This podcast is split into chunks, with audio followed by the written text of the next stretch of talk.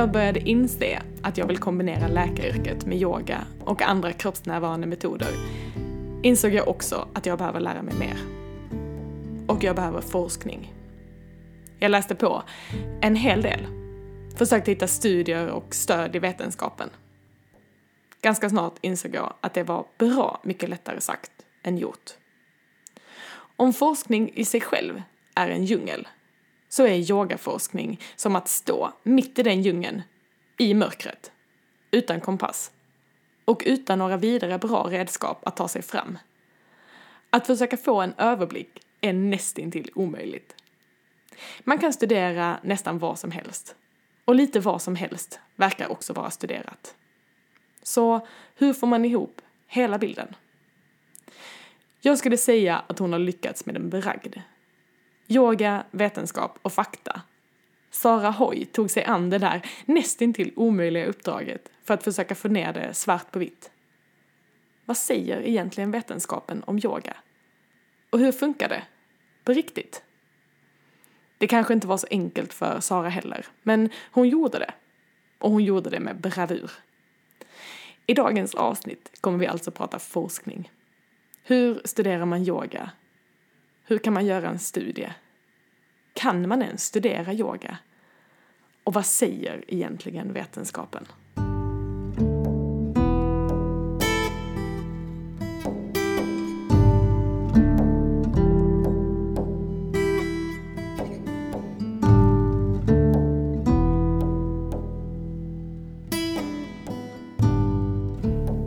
Välkommen tillbaka in i poddbubblan Sara Hoj! Tackar, tackar! Vad kul att få, äntligen få sitta här och spela in den här podden med dig. Detsamma! Jag alltså, så... oerhört tack att få vara med. Ja. Mm. Jag sa det, att jag, din podd var en inspirationskälla för mig att starta en podd och nu är du med här. Det känns jättefint. Jag sa det till dig innan. Det känns ja. fint att säga det här också. Ja, ja men det, det är jättehärligt. Mm. Ja. Yoga, Yoga 360 heter podden som du spelade in tillsammans med Veve Jäderlund, eller hur? Precis, vi har gjort två säsonger av den och det är faktiskt så att vi imorgon redan. Eh, jag vet inte när du som sitter och lyssnar lyssnar på just det här poddavsnittet mm. men det kommer en säsong tre i alla fall. Ah, det, det är på väg! Mm. Är det färdiginspelat och klart? Nej, nej, vi ska börja imorgon. Mm.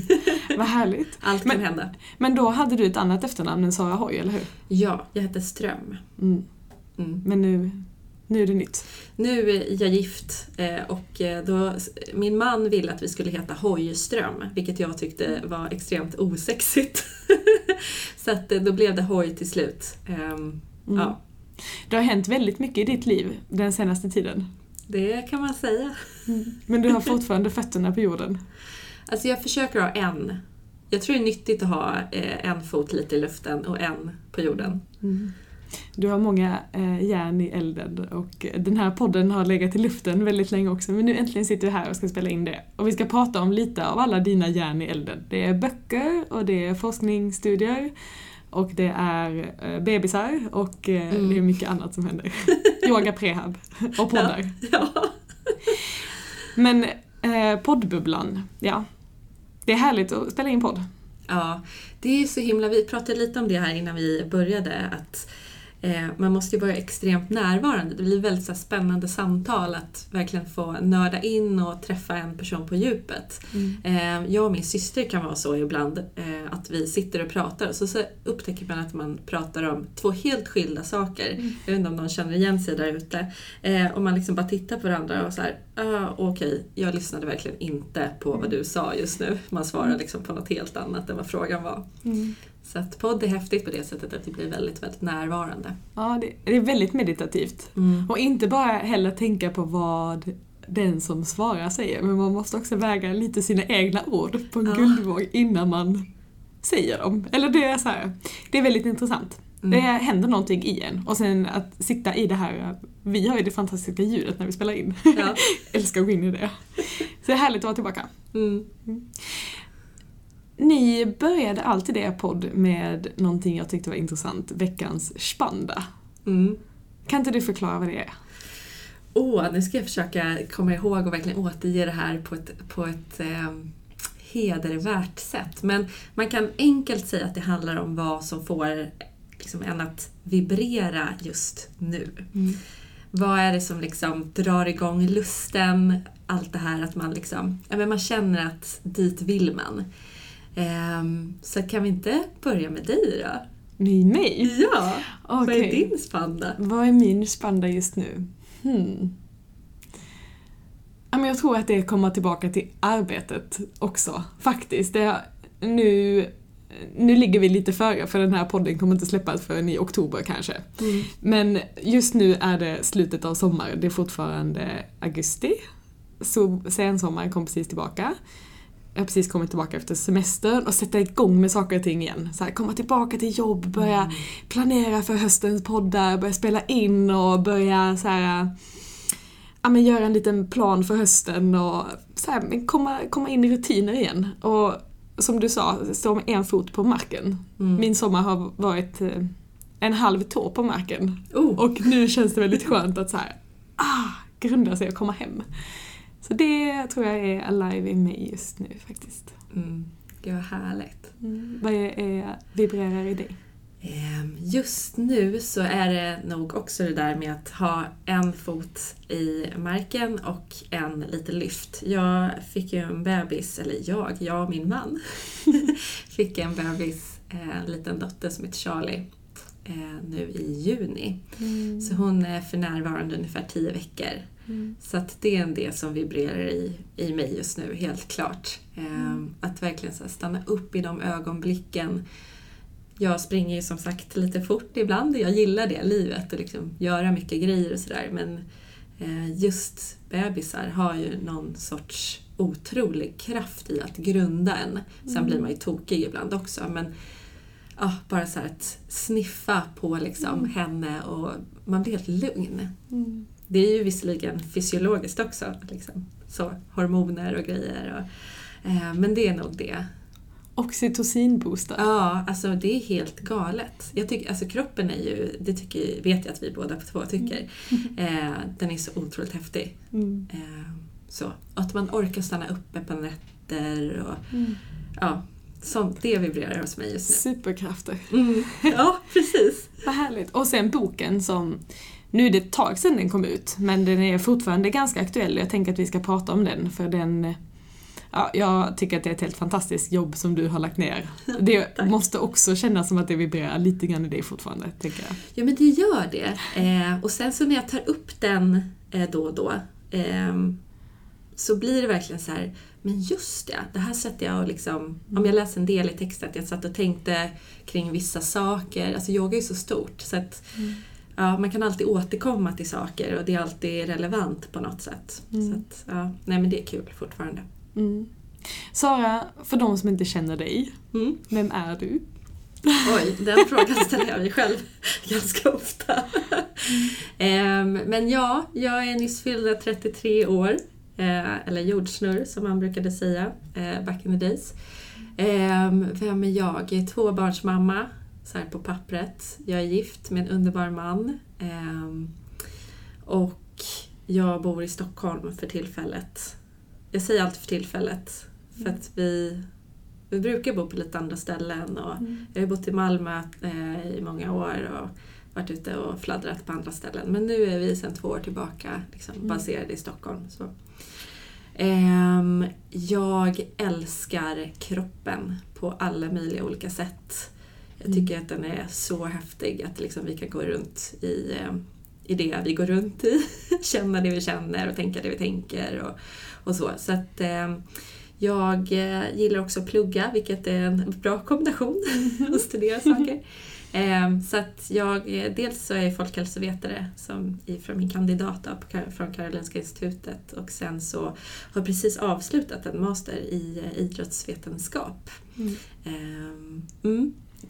Och så är du yogalärare. Ja, jag är Ja. yogalärare. Det är också Tack så att du påminner mig. Eh, Jag är yogalärare, jobbar på bland annat Nordiska yogainstitutet och undervisar eh, yoga, blivande yogalärare där då, Mm. på yogalärarutbildningar. Och sen så har jag lite egna kurser, eh, jag har onlineklasser på Yogobi. Ehm, Ja, men liksom yoga och ehm, vetenskap är väl typ mina två yrkesben men det är också mina hobbyben. Så där, Mm. ja. Så. Och sen så, annars är det mest familje, familjehäng. men det är nog jag. Mm. Ehm, så. Ja. Och då är den stora frågan, att hur och när yoga kom in i ditt liv och varför det blev en så stor del. Ja, det där är lite... ehm, I och med jag skrev den här boken och eh, Bonnier som jag skrev den för, de vill att... Jag är ofta ganska så här opersonlig i saker som jag skriver. Mm. Ehm, och så var de så här, men kan du inte dela någonting kring dig själv? Och ehm, när jag var 16 år så, ja, min mamma fick bröstcancer.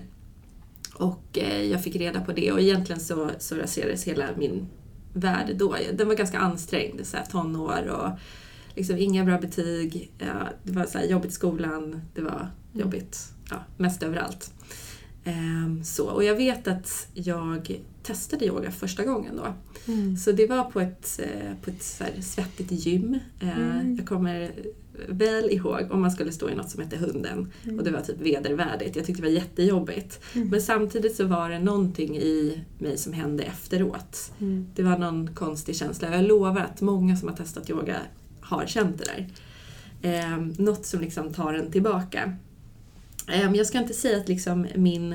Att det blev att jag fick någon sån stark yogapraktik. Men jag är väldigt tacksam över att liksom det började någon sorts grogrund i en, i en brokig praktik, ska man säga. Liksom ganska spretig praktik. För under den tiden så höll jag på med hästar. Jag hade egna hästar och jag satsade ganska mycket på, på ridsport då. Eh, och det fortsatte jag göra i ganska många år. Så efter gymnasiet så åkte jag ner och, och jobbade i Skåne. Eh, ute på vischan där och eh, bara liksom, hästhoppning eh, till 100% eller 150% ska jag säga. Ehm, så. Men eh, sen så sålde jag hästarna och valde att komma hem. Och efter det så började jag dansa. Jag har alltid varit liksom fysisk i, i mig själv. Så jag gillar, gillar de grejerna.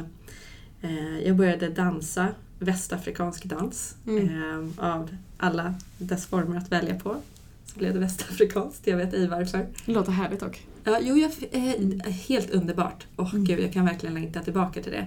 Eh, ja, men jag fick ett presentkort, så var det. Så att, eh, om ni vill att någon som ni håller kär precis, ska börja med något, kanske testa med ett presentkort. Ehm, så, men det i alla fall slutade med att eh, jag spenderade i princip varje vinter i Västafrika, liksom varje, varje år. Över ja, sju, åtta år säkert. Mm. Så bodde jag halvtid där. Mhm. Ehm, så. Och dansade jättemycket och i och med det så när jag kom hem och började på faktiskt Balettakademin, det här är lång, nu får ni hela historien, ehm, så skadade jag min fot. Mhm. Ehm, och det var där det hela började på riktigt, Mm. ska jag säga. Och då var jag kanske 20, Mm. var jag, 21? Nej, jag kommer inte ens ihåg, nu kanske jag ljuger. Men början av 20-årsåldern är jag där i alla fall. Ehm, och jag vaknade en morgon av så strålande smärta. Alltså det var helt... Jag kan inte... Det var typ värre än att föda barn. Jag har ändå fött två stycken. Ehm, och det var så här, jag bara gud, alltså någon har ju kommit och skurit av mig foten under natten i sängen. Mm. Så kändes det. Och sen så åkte jag in på akuten, jag har typ aldrig varit på akuten i hela mitt liv. och, eh, och de bara, ja det här är en liten överansträngning. Jag bara, va? Okej. Men hur kan det göra så ont då? Och eh, där och då så blev det att istället för danskarriär så blev det yogakarriär. För att jag valde att utbilda mig vidare till, till yogalärare i och med att det var yogan som hjälpte. Mm. Ehm, Jag visste inte då hur otroligt eh, stressrelaterat smärta kan vara. Så det var också, kan man säga, ehm, det tillfället i mitt liv som tog mig närmare att bli intresserad av vetenskap. Mm. Ehm, För att det var liksom som att allting man hör och läser sig till och så här, jag bara, men jag får inte ihop det här. Det här verkar liksom inte logiskt. De här förklaringarna kring smärta, att det är någonting i min fot som är trasig. Det känns ju som att min fot är avhuggen. Mm. Det är så mycket smärta jag upplever. Mm. Men så säger någon annan att det är en överansträngning. det är liksom oproportionerlig smärta emot vad det faktiskt var i vävnaderna så att säga. Ehm, och då blev jag intresserad av att luska vidare på det där. Plus att man i samma veva i yogavärlden, Mm. när jag liksom började som, ja, utbilda mig till yogalärare, så var det väldigt mycket fokus på att eh, yoga kan vara skadligt. Det var en, sån här, en bubbla. Jag kommer ihåg så här artiklar på Yoga Journal och sådär. Mm. Ehm, ja, att det var mycket så här, oh my god, vi har inte pratat om de här skadorna som yoga kan, ehm, kan ge oss. Ja, och det var liksom knä över ankeln, tips och hitan och ditan och alla de här... Tekniskt. Ja, ja, men jag lovar att alla har hört om att man ska hålla en viss kroppsdel på ett visst sätt för att knäleden inte ska liksom belastas för mycket. Ja. Ja, typ om man står i trädets position i virkshasana så ska man inte sätta foten på knäleden för att knäleden är en viss led, bla bla bla. bla, bla. Ja, det är, jag skulle säga, det stämmer inte. Vet jag nu. Men, eh, eller tror jag nu ska jag säga. Och, eh, ja, men hela, det är liksom det. Ja, där började både yoga och vetenskap. Det var där det började. I en ond fot. I en ond fot. Ja. Och sen så blev det en hel, en hel lång karriär efter det. Det bara spann vidare. Det Ja. ena efter det andra. Ja. Eh, Du driver företaget Yoga Prehab. Mm. Vad är din tanke bakom det? Ja, alltså... Jag har alltid haft svårt att säga vad jag är utifrån mina utbildningar. Alltså, så här, Mm. ja, är du hälsovetare? Är du eh, personlig tränare? Är du yogalärare? Liksom, vad är du? Alla frågar, vad jobbar du med? Eller vad, vad är du? Ehm, och det där liksom kände jag efter ett tag, efter att ha liksom broderat ut åt många olika håll, så att säga. Både liksom idrottsmedicin, fast jag inte vill bli fysioterapeut. Eh, fysiologi, fast jag inte vill bli läkare.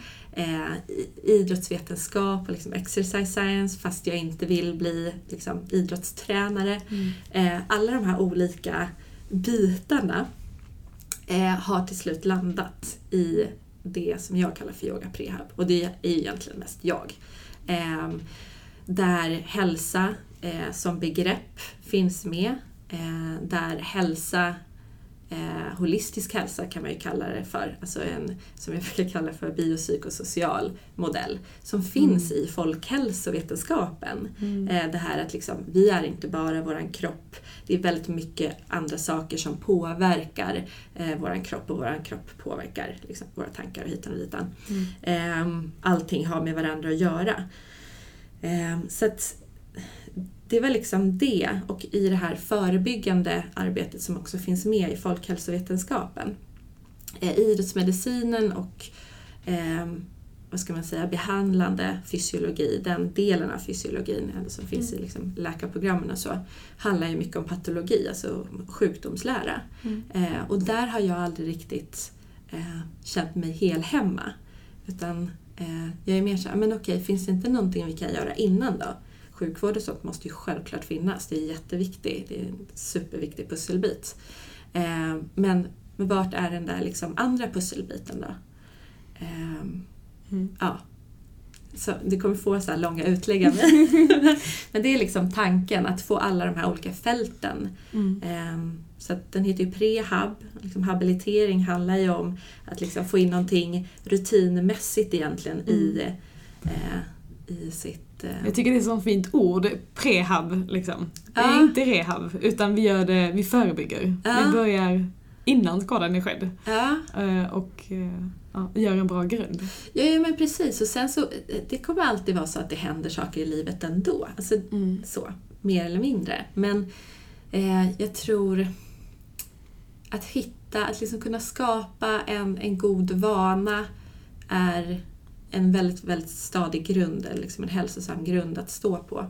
Ehm, och sen så, jag har alltid varit intresserad av sociologi och så. Jag, skrev, jag kommer ihåg att jag skrev min kandidatuppsats om så socialt kapital kring hälsa just. Så att habilitering och just begreppet habitus är Mm. lite så speciellt för att jag höll på med eh, Bourdieus teorier om, om beteende och ja, habitus och kapital och sånt där. Men ja, det är en bakgrundshistoria. Det är inte många som vet om, Mm. Att jag gillar det där ordet hub också. På, liksom, utifrån från det perspektivet. Mm. Och det är Ja. klart det ska vara med. Ja, jag tycker det. Ja, eh, vad härligt. Och den här boken då ska vi komma tillbaka till. Jag blev så imponerad, den damp ner i min handledare Anna Dubergs postfack och jag satt och tittade i den och visste att du höll på att skriva en bok men när jag såg boken framför mig och ser vilken fantastisk samling av kunskap du har fått ner på, jag vet inte hur många sidor det är. Många sidor är det. Jag tror att det är 176. Ja, Om jag säger rätt nu. Eh, yoga, vetenskap och forskning heter den. Yoga, Eh, yoga vetenskap, vetenskap. och fakta. Gud, Fakta. Jag kommer inte ihåg- ihåg sådana där grejer själv. yoga, vetenskap och fakta är det. Och det är en samling där du har sammanställt otroligt mycket vetenskapliga studier. Och med lite egen resonemang och mycket egen erfarenhet. Men ändå eh, lagt fram mycket teorier för hur yoga faktiskt funkar och vad forskningen faktiskt säger. Ja, ja och... Eller vad forskningsläget är. Ja, precis. Och Mm. ja, tack för alla fina ord. Det har verkligen varit... Eh, eh, jag brukar säga att den är skriven ur så här, frustration och passion. Mm. Eh, ja, det är två... Hur lång tid tog det att skriva boken? Eh, ungefär ett år eh, tog det. Men, Jag höjer på ögonbrynen, det är ingen som ser det, men jag tappar hakan och höjer ögonbrynen och tänker wow. men jag har samlat på mig ganska mycket.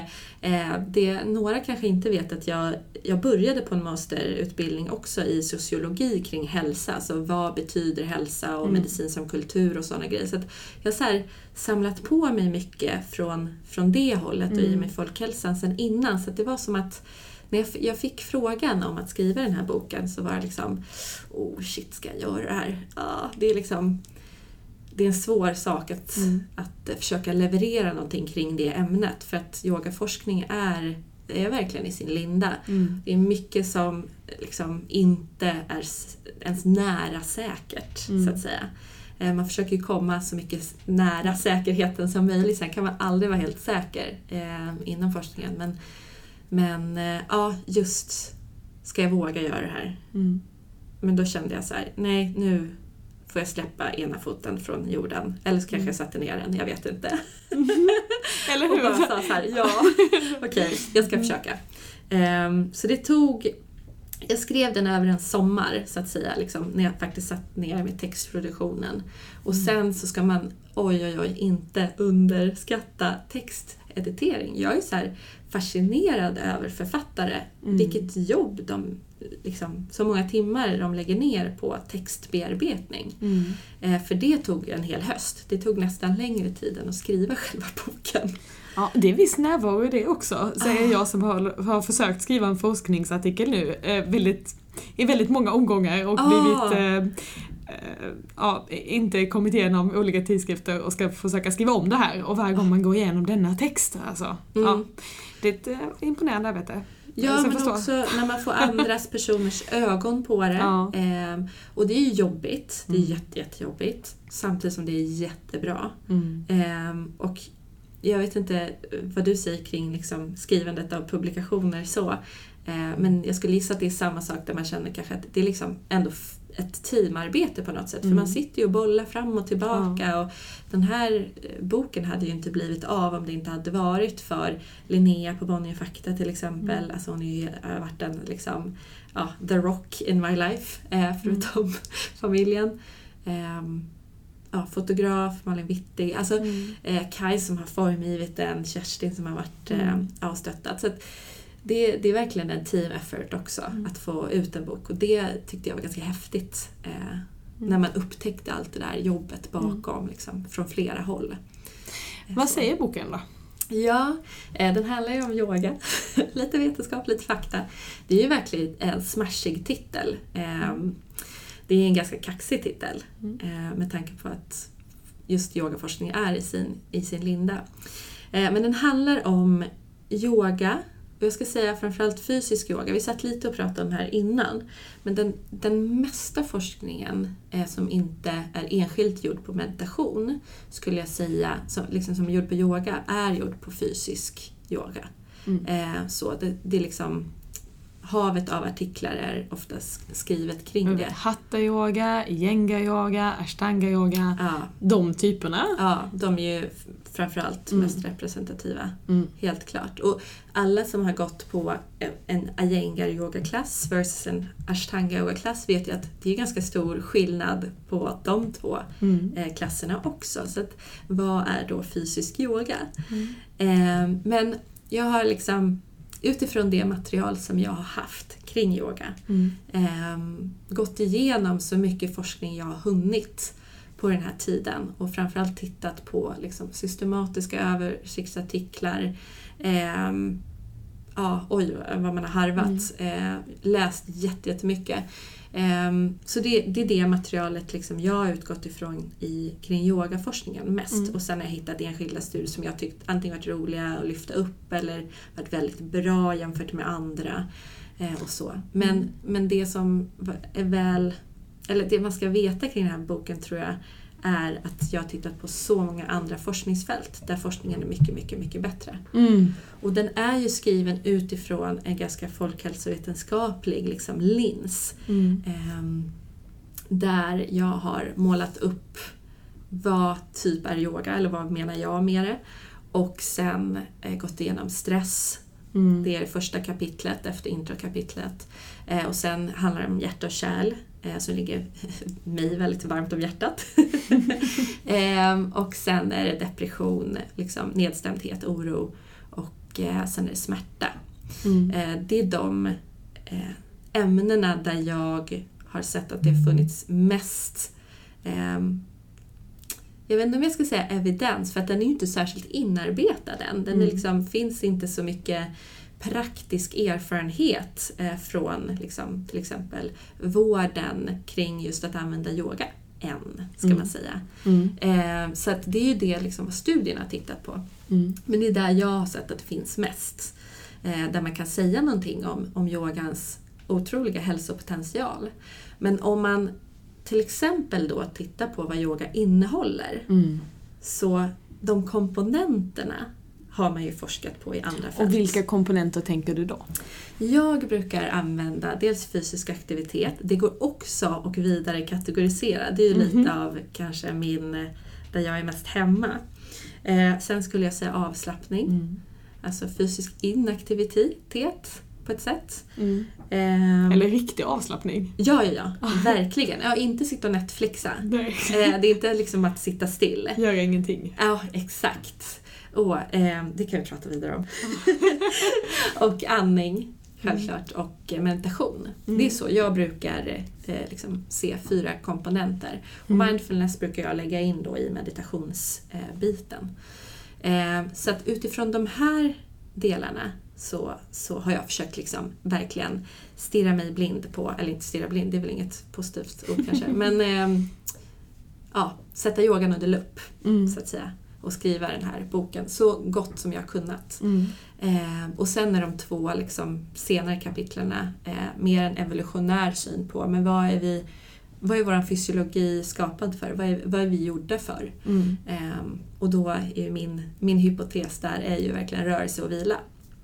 Vi behöver båda två, det är, liksom, det är samma mynt egentligen. Eh, så, och yogan är, den har den potentialen att tillgodose båda två. Man jobbar från två eh, liksom, håll på aktivitetsskalan eller vad man ska säga. Eh, så både liksom, rörelsen och det aktiva Mm. Eh, liksom, om man har suttit i en väldigt aktiv meditation någon gång där man verkligen, verkligen, verkligen fokuserar så alltså jag kan ju uppleva en sorts mental aktivitet, alltså full, fullt, fullt, fullt fokus. Det är Mm. ganska intensivt. Eh, men att man också kan liksom låta tankarna få bara komma och gå. Alltså det finns ja, mer eller mindre intensiva meditationstekniker också. Mm. Eh, så att ja, just det här från, från två delar. Liksom, båda sidorna av aktivitetsskalan. Vad skulle du säga är det största, du som har också varit intresserad av vanlig träning, liksom. Mm. Nu säger vi fysisk aktivitet, Ja. vanlig träning innan situationstecken. tecken. Vad är yoga till skillnad för det? Från det? Mm.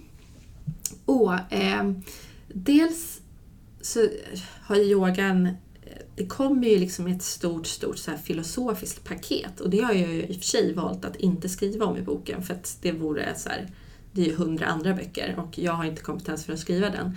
Eh, men yoga är ju på något sätt handlar ju mycket om närvaro, det handlar ju mycket om, om andra aspekter av människan skulle jag säga, än vad du kanske eh, förväntar dig träna så att säga på, eh, alltså om du går till gymmet. Eh, sen så kan man ju, det här är en ganska eh, spännande grej för att jag vet att många tycker att de mediterar eller liksom de pratar om meditation när de går ut och springer eller när de lyfter vikter eller sådana saker. Ehm, och, och då kan vi fråga så här, men är det yoga då? Eh, I min värld så, och nu pratar jag verkligen bara om mig själv, men Mm. jag upplever inte att det är yoga.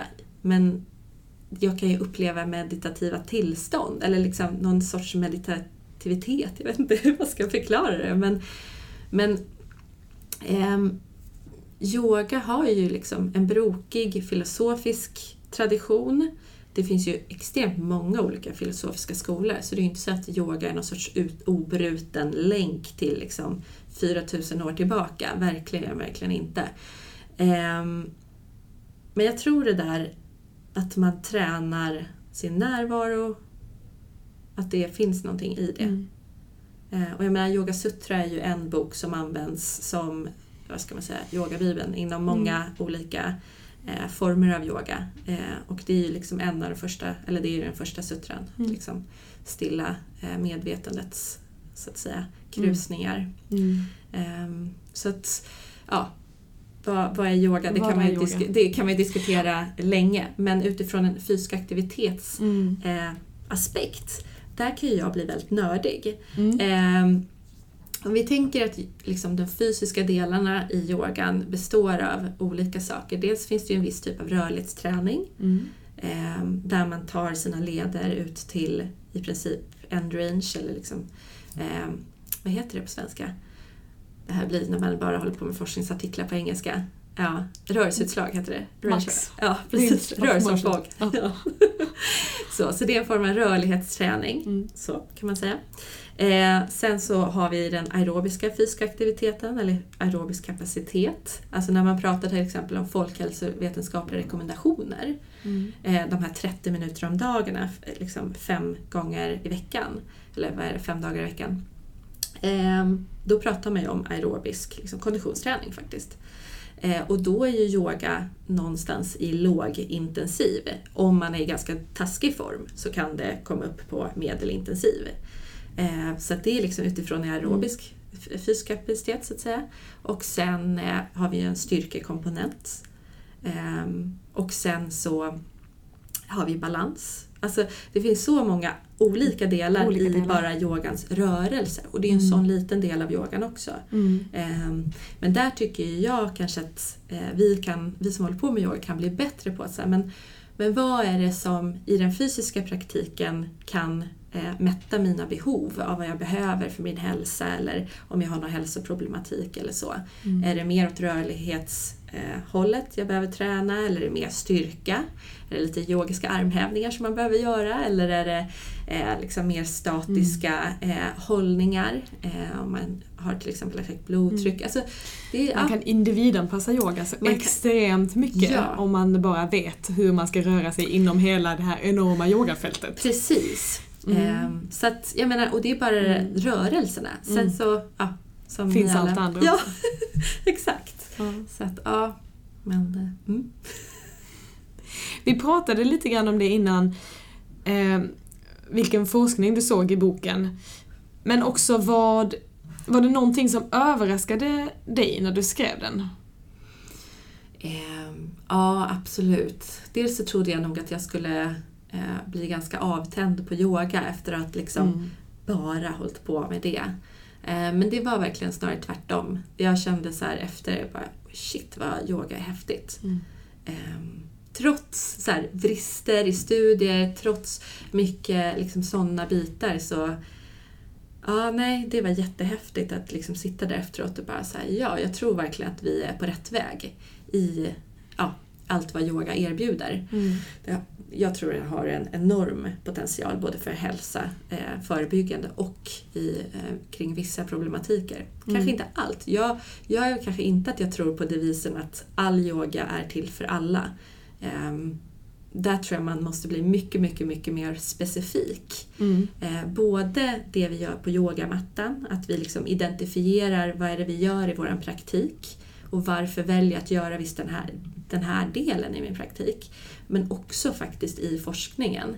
För det var någonting som jag blev ganska konfunderad över. att eh, Studierna, alltså vad man har gjort för yoga, alltså eh, inte riktigt är definierat. Det är inte särskilt väl utskrivet. Det börjar bli bättre. Mm. Eh, verkligen cred till de som jobbar med yogaforskning eh, nu. Så. Men, men det har inte varit särskilt... Det har liksom räckt med att bara säga men det är yoga vi har gjort. Jaha, men vad är det vi ska göra för att då kanske få den här effekten som, som ni påstår att man då får av att göra yoga? Mm. Ehm, och i och med att det är så brett så, så, så blir det jätteproblematiskt. Så där eh, skulle jag vilja se mer utveckling kring, kring också forskare eh, blir mer explicit med, explicita med vad är, det, vad är det man Mm. gör? Vad är det man tror är de verksamma delarna? Mm. Hur definierar man yoga? Mm. Jag kan uppleva att det finns en problematik där också eh, som har också försökt titta lite grann på yogaforskning, som har ett eget intresse av yoga. Mm. Bara det är en liten felkälla för Ja. att jag själv är intresserad. Men jag tycker man märker så tydligt när man läser en artikel att åh, det här är en person som är intresserad av yoga som har läst den här artikeln, eller som har skrivit den här artikeln, Ja. för det är väldefinierat på ett annat sätt. Om det, till skillnad från om det inte är någon som vet vad yoga är, som, eh, ja men då, då eh, jämför man, eh, eller man slår ihop ashtanga yoga och yoga nidra. Och för den som inte vet vad det är så har vi liksom den mest fysiskt ansträngande, komplicerade, komplexa yogaformen mot djupavslappning. Så det Mm. går på två helt olika fysiologiska system i kroppen, så Ja. det är klart att de har olika effekter. Men man klumpar ihop det och det blir den här problematiken att det blir väldigt luddigt. Mm. Så samtidigt som man vill att någon ska titta på det med helt blanka ögon så Mm. måste det ändå vara någon som vet vad det är man tittar på. Liksom. Ja. Annars är det som att jämföra Alvedon med kortison. Alltså det, eh, läkemedel. Men det, vi har olika läkemedel med olika effekter. Ja. Men verkligen. Och det där, det tror jag att vi kommer liksom få fortsätta att, att harva kring och bara så försöka att mejsla fram. Och det handlar ju egentligen inte om att hitta en definition på yoga, snarare tvärtom. mm. Att hitta jättemånga olika definitioner på yoga. Vad kan det vara i just det här sammanhanget Mm. för den här gruppen eller för den här individen? Eh, att man liksom designar det lite mer, mer individanpassat eller gruppanpassat. Mm. Eh, där man, yoga är ju så tacksamt på det sättet eftersom det faktiskt innehåller så många olika saker. Så går det att kop, koka ihop till liksom så många olika ja, tekniker, program eller hur man Mm. nu har tänkt att använda det. Liksom olika typer av praktiker. Mm. För i slutändan så, så är ju yoga någon typ av praktik. Mm. Eh, Det, det är ju det det liksom kokas ner till. Ehm, men eh, jag vet inte hur du upplever det, men jag liksom ser lite så här, typ två olika typer av forskare. Eller nästan tre kanske, men ja, vi säger två. Eh, just den här som liksom tar yoga och så nu testar vi yoga på, eh, låt säga, vi har gjort lite sådana typer av studier där vi har låtit en grupp få yoga tre gånger i veckan under 12 veckor. Och då har vi bara skickat dem till ett gym som erbjuder yoga, men då måste det vara liksom någon typ av fysisk yoga. Och de studierna är ju intressanta utifrån skulle man ge en rekommendation kring ja, men om du har det här till hälsotillståndet, då ska du gå på yoga.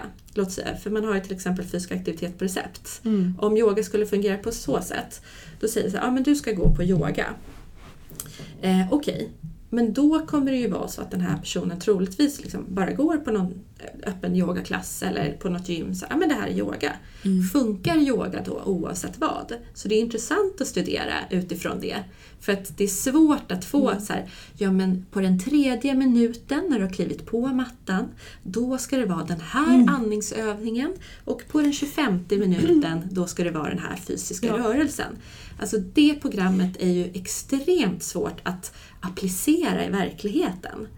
Eh, men, så där får man ju vara lite mer grovhuggen. Mm. Liksom. Ja men okej, men hatta-yoga, ja men det måste vara någon, alltså, kanske en solhälsning, kanske någon balansposition, kanske något lite upp och ner. Alltså, ja, så. Mm. Man får vara lite mer grovhuggen. Så det är en typ av forskning. Eh, och sen så är det den här detalj, liksom den andra typen som verkligen går ner på detalj, detalj, Jag ska detalj. göra den här andningsövningen i den här maskinen för att se hur koldioxidutbytet till lungorna påverkas. Och, Ja. Och, och båda är lika viktiga. Ja. Eh, Men där måste du ju börja liksom åtskilja sig. Så här. Men okej, vi pratar om olika saker. Här tittar vi lite på mer mekanistiskt under extremt kontrollerade former. För det måste man ju också göra. Mm. Men också så här, okej, vad händer om vi applicerar det i verkligheten? Låt säga vi låtsas eh, tanken yoga på recept. Jaha, okej, hur ter sig då, då det i, I verkligheten? praktiken. Ja. För det kan bli så otroligt sterilt i en forskningsmiljö också och vad är då kvar av själva yogan? För yoga är så otroligt delikat. Ja. Alltså det är någonting som händer i stunden Ja. och det är någonting som kräver en viss setting för att vi ens ska nå det tillståndet. Mm. Så hur är det ens möjligt att, att förena yoga och forskning? Jag Ja. brottas fortfarande med det jättemycket Ja. även om jag själv håller på med det. Ja. Och, eh, ja, det är inte ett lätt fält. Det är jätteklurigt, men det är också det är roligt liksom, i och med det. Och sen så, jag kan, för jag sitter ju alltid med de där frågeställningarna också så här, men är det verkligen yoga jag studerar? Mm. Kanske jag har bara fått allting om liksom, Bakfoten. Ja, om bakfoten. Och egentligen handlar det bara om filosofi. Det handlar bara om att liksom träna ett sorts förhållningssätt till vårt liv här på jorden. Det är Mm. det som, som är det verksamma. Och här står jag och mäter liksom ledvinklar. Eh, men, men, jag känner igen mig så mycket i det. men, men jag tror i alla fall, i och med så som yogan ser ut mycket idag. Jag brukar säga att jag håller på med extrem medikaliserad yoga. Eh, Det är liksom det jag faktiskt studerar. För att, jag menar, för ungefär så här 100-150 år sedan så, så började ju yogan just medikaliseras. Vi började Mm. liksom tillskriva olika ja, men hälsoeffekter och, och saker till att eh, ja, gör du det här så kommer du få det här utfallet. Mm. Eh, det kan man ju se bara till exempel i, i Lighton Yoga, alltså Iyengers bok från 1966. Mm. Eh, ja, men gör du det här huvudståendet, då det har en påverkan på det här och det här och det här och det här. Så det är ett ganska tydligt exempel på det. Eh, men den, den delen av yogan är ju liksom inte särskilt gammal, den är väldigt, väldigt ny. Mm. Ehm, och jag, brukar, jag gör det lite lätt för mig själv också då. Mm. Eh, så, jag kapar banden lite till, till... Jag studerar inte filosofi, jag tittar på de här komponenterna i yogapraktiken. Ehm, för att hade man liksom försökt ta sig an allt i sitt forskningsjobb, alltså det är ju, det är ju typ omöjligt. Det är helt omöjligt. Ja, för att hur ska jag försöka mäta prana? Mm. Alltså för mig är det omöjligt. Jag har inte de mätinstrumenten. Mm. Än i alla fall. Eh, så, På för att, 2019. ja, jag kan inte ens helt och hållet förklara vad är prana. Så att, eh, men jag kan förklara vad ett blodtryck är. Alltså, Mm. så, så att det är ju... Jag tycker ändå att det är viktigt för det finns så mycket hälsoförklaringar och, och påståenden kring Mm. den här medikaliserade yogan. Mm. Och de måste vi pröva. Jag tycker vi måste pröva dem i labbet och i verkligheten. Men står de pall faktiskt för vår, när vi tittar på det under Mm. lupp? Ehm, för, för det kan jag tycka att eh, vi som är i yogavärlden, vi blir ju också väldigt... Alltså, det är ju, vi älskar ju våran yoga. Alltså det är ju så här, ja men gud, det här är ju ens bebis liksom. Mm. Ehm, och det är ju farligt också på ett sätt, speciellt när det kommer till ett vetenskapligt sammanhang. Där man liksom ska försöka och, och falsifiera sina... Liksom, man ska verkligen försöka motbevisa det, det man testar. Mm. Ehm, och, men, men jag tror att det, det finns en väldigt en värdefull del i det, att man liksom försöker rannsaka sig själv. Och det, det handlar ju ändå yoga lite om också. Att det här, Okej, men om vi försöker titta på det här på ett ganska krasst sätt. Mm. Är det så att, att det faktiskt händer någonting för den här gruppen eller för den här personen? Eh, och det är viktigt att veta också om det inte gör det. Mm. Det är lika viktigt. Mm. Ehm, så att det finns ett otroligt värde i att så här, ja men vet du, du har ett högt blodtryck. Du ska, vi rekommenderar dig att göra de här sakerna. Eller du vill bli eh, starkare i överkroppen. Okej, eh, men då kanske vi inte ska hålla på med mjuk yoga och liksom, ja men typ yoga nidra eller yin-yoga eller sånt. Alltså, Jag är Mm. ledsen, det kommer inte bygga liksom, muskulär styrka i din kropp. Eh, det är ju ja, sälja fel piller. Ja. Alltså verkligen. Mm. Eh, Så att jag, det där måste, jag tycker, rensas upp lite och Mm. liksom så här, okej, men vi måste titta på det här. Mm. Ehm, Mm. Vi behöver fler studier helt enkelt. fler och bättre studier. Men det är eh, häftigt som du sa, det är ett nytt forskningsområde. Och jag försökte sitta här på datorn och få upp min föreläsning för jag vet att jag har siffror där på i början av 2000-talet hur många studier vi hade på PubMed då. Det var ett tiotal. Alltså jag, Ja. jag, jag kan inte svara exakt hur många. Men jämfört med nu, om man gör en sökning på PubMed som är en av de största medicinska databaserna, Ja. hur många studier det finns med ordet yoga i. Ja. Det har ökat någonting ofantligt. Mm. Så att det, det händer någonting och det är väldigt spännande. Ja, ja, jag tror senast jag kollade på PubMed så var det över 4000 i alla Mm. fall. Eh, men jag brukar alltid jämföra det mot fysisk aktivitet. Det ligger, ju- Mm. lite, ja, ni förstår, jag gillar fysisk aktivitetsforskning. eh, och då pratar vi om flera hundratusen. Mm. Eh, och även går man in och slår på meditation Mm. så är det mycket större än yoga. Mm. Och det säger också någonting om liksom hur, hur nytt det ändå är och komplext. Så jag tror många drar sig för att eh, faktiskt forska på yoga. Mm. Och där tror jag att forskningsvärlden också måste bli bättre på att, eh, att äska pengar, att liksom faktiskt få pengar för, för yogaprojekt. Men då ligger också ett ansvar på de som utför, som vill göra studien, att göra en, ha en väldesignad studie. Mm. Eh, så att det är lite, ja, Men jag tycker också att det kommer mer och mer i senare studier att Mm. man faktiskt definierar vad har vi gjort för eh, positioner och hur länge har vi hållit dem och det är lite häftigt. Ja. Eh, Och eh, ännu häftigare in i framtiden om man faktiskt kan koppla specifika element till specifika effekter liksom. ja. Och eh, vi kanske är på väg dit.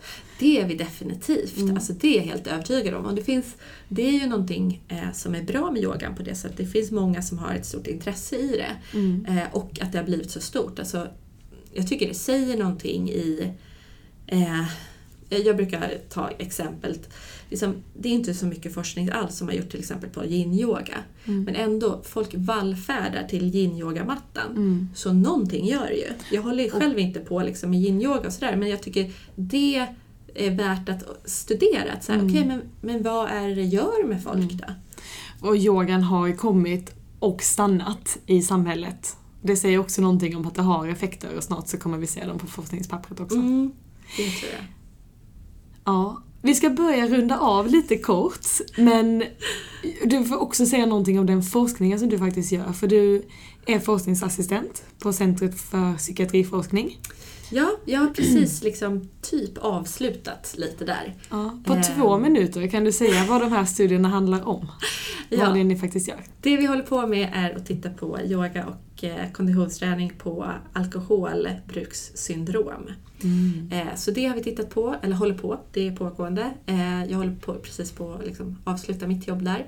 Eh, Sen så håller samma eh, projektledare på och, eh, med en studie som håller på med yoga för äldre eh, mellan 65 och 85 som är häls eh, ska inte säga hälsosamma, men friska heter det. Eh, Och sen det jag gör nu, nästa vecka börjar jag på Gymnastik och idrottshögskolan där jag läser min master, så nu börjar jag jobba där. Och eh, då håller vi på, faktiskt på med aktivitetsbaserade kontor och tittar på psykosociala delar och hur folks eh, mönster av fysisk aktivitet förändras och, och så vidare. Vad, är ett, vad sa du att det var för kontor? Aktivitetskontor? Aktivitetsbaserat kontor. Aktivitetsbaserat kontor, vad är det? Eh, det är när man har olika zoner. Så man har inte sin egen arbetsplats utan man har olika zoner för Wow. En tyst zon. Då, får man liksom, då är man helt i fred med sina arbetsuppgifter. Sen har man en väldigt aktiv zon och sen har man någonting där mittemellan ungefär. Eh, så det Wow. håller jag på med som är en del i eh, stora projekt på GIH som vi har kring eh, fysisk aktivitet och hjärnhälsa. Jag längtar tills de börjar applicera det på sjukhuset i landstinget. Åh, wow! Ni har bara aktivitets... Det, det finns bara aktivitetszoner där. Inga tysta. överallt. Nej. ja, det, Eh, inte än, men det kanske kommer. ja, förhoppningsvis. Mm. Men det här var intressant med eh, yoga, och, yoga eh, och löpning. Är det yoga, ni jämför yoga och löpning för alkoholsyndrom? eller? Konditionsträning, så att, eh, det är inte nödvändigtvis löpning utan det kan vara på cykel, det kan vara eh, Mm. ja, konditions... Eh, hur långt har träning. ni kommit i det projektet? Eh, ungefär två tredjedelar. Ja, är det, finns det några resultat? Eh, det var min masteruppsats men eh, den är inte publicerad just på grund av att det är preliminära siffror. Okej. Så, så tyvärr ska jag inte Så det kommer säga något sen? om det. Åh, vad spännande! Vi, vi får spara det till nästa podd helt Ja. enkelt. Ja, och det är Men- faktiskt en häftig studie på så sätt att man har eh, just liksom tagit yoga i en klinisk miljö. Mm. Eh, det är en hyfsad dos, det vill säga tre gånger i veckan, 12 veckor. Eh, och att man tittar både på biomarkörer, man gör konditionstest, man tittar på stress, depression, eh, massa olika typer av enkäter. Mm. Eh, så, och välmående och så vidare. Så att, eh, ja, nej det Och hur många deltagare har ni? Eh, vi har totalt 280 till Mm. slut tror jag. Så det är en eh, randomiserad, kontrollerad studie. Eh, så. Och jämfört med det materialet med de flesta studierna du har läst från PubMed som du har som referenser i din bok. Ja, Hur... det finns några stora studier i min bok. Ja. Eh, så. Några eh, stora RCTs. Men eh, de flesta är väldigt, väldigt små. Mm. Helt klart.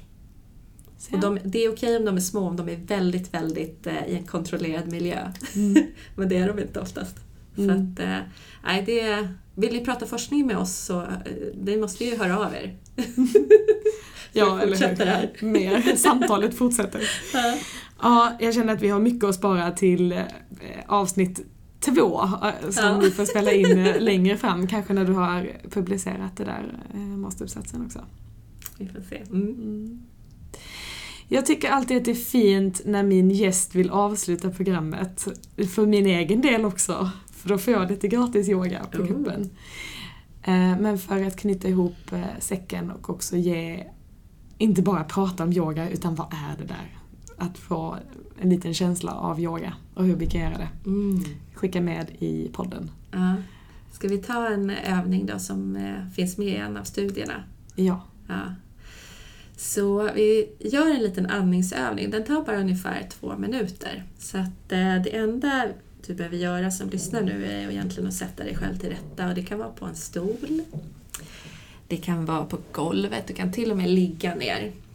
Så länge det är bekvämt för dig så, så är det bra. Du kan placera händerna, det kan vara på benen eller på golvet. Bara liksom Gör dig själv bekväm i din kropp där du känner, där du upplever att du kan slappna av just nu. Låta benen bli tunga, låta överkroppen bli mjuk. Ansiktsdelar får också börjar mjukna. Och så ta och börja rikta uppmärksamheten mot ditt andetag. I, utan att förändra särskilt mycket. Notera hur andetaget kommer, hur det går och pauserna däremellan.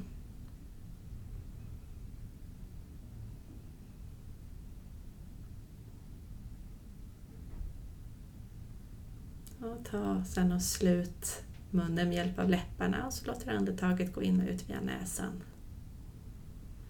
Och tyst för dig själv nu så börjar du sakta räkna till fem på din inandning och så fem på din utandning.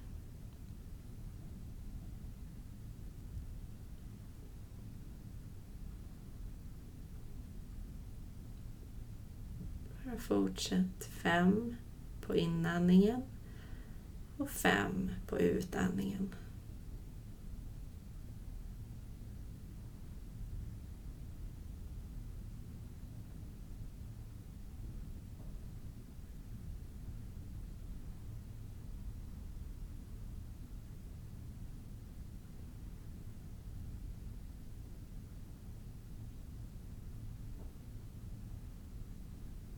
Fortsätt att ta några andetag till. Kanske att någon kroppsdel kan få ytterligare slappna av.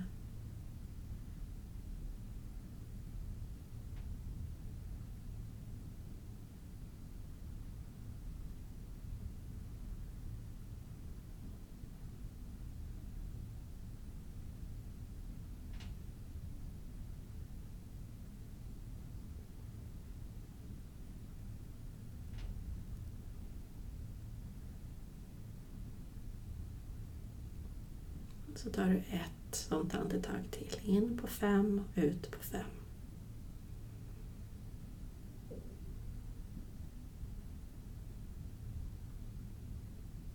Därefter bara låta andetaget vara sitt eget flöde igen. Om du har slutit ögonen kan du öppna dem och börja, börja vicka lite på fingrar och på tår. Sakta aktivera kroppen, de delarna igen. Mm. Mm. Så. Forskningen kan säga vad den vill men gör man det så behöver man inte så mycket resultat på ett papper eller så mycket vetenskap i en bok. Jag blir så här, lika bara full i skratt varje gång. Bara, Mm. det är ju där.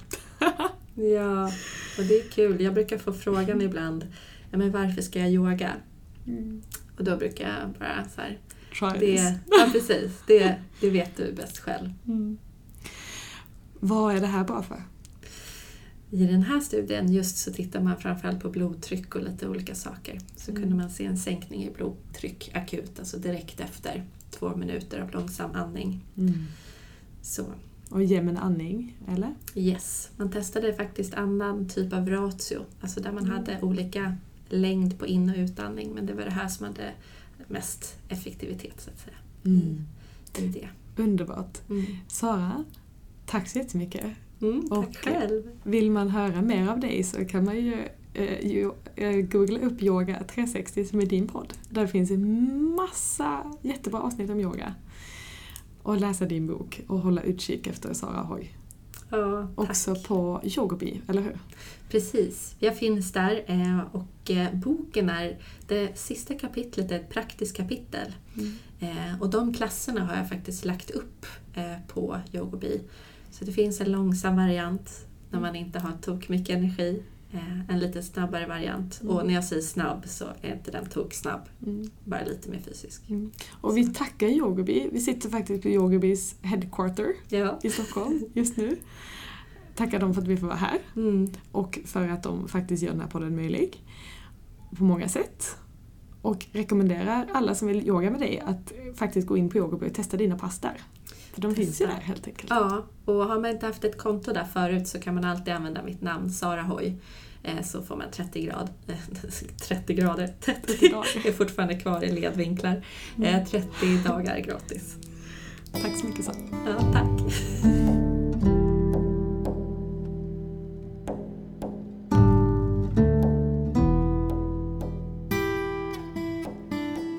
Vill jag skicka ett stort tack till Yogobi som hjälper oss att göra den här podden möjlig. På yogobi.com kan man hitta yogaklasser och föreläsningar och träningsprogram med Sveriges främsta yogalärare på ett och samma ställe. Ett fantastiskt verktyg som du kan använda både som privatperson eller via jobb eller företag. Och du som student har dessutom fri tillgång till hela Yogobis videobibliotek. Du kan också använda Yogobi som farrecept om du har fått yoga utskrivet på recept. På Yogobi finns det hur mycket som helst, men för att underlätta lite för dig så kan du också gå in på min hemsida och klicka dig vidare till Yogobi därifrån.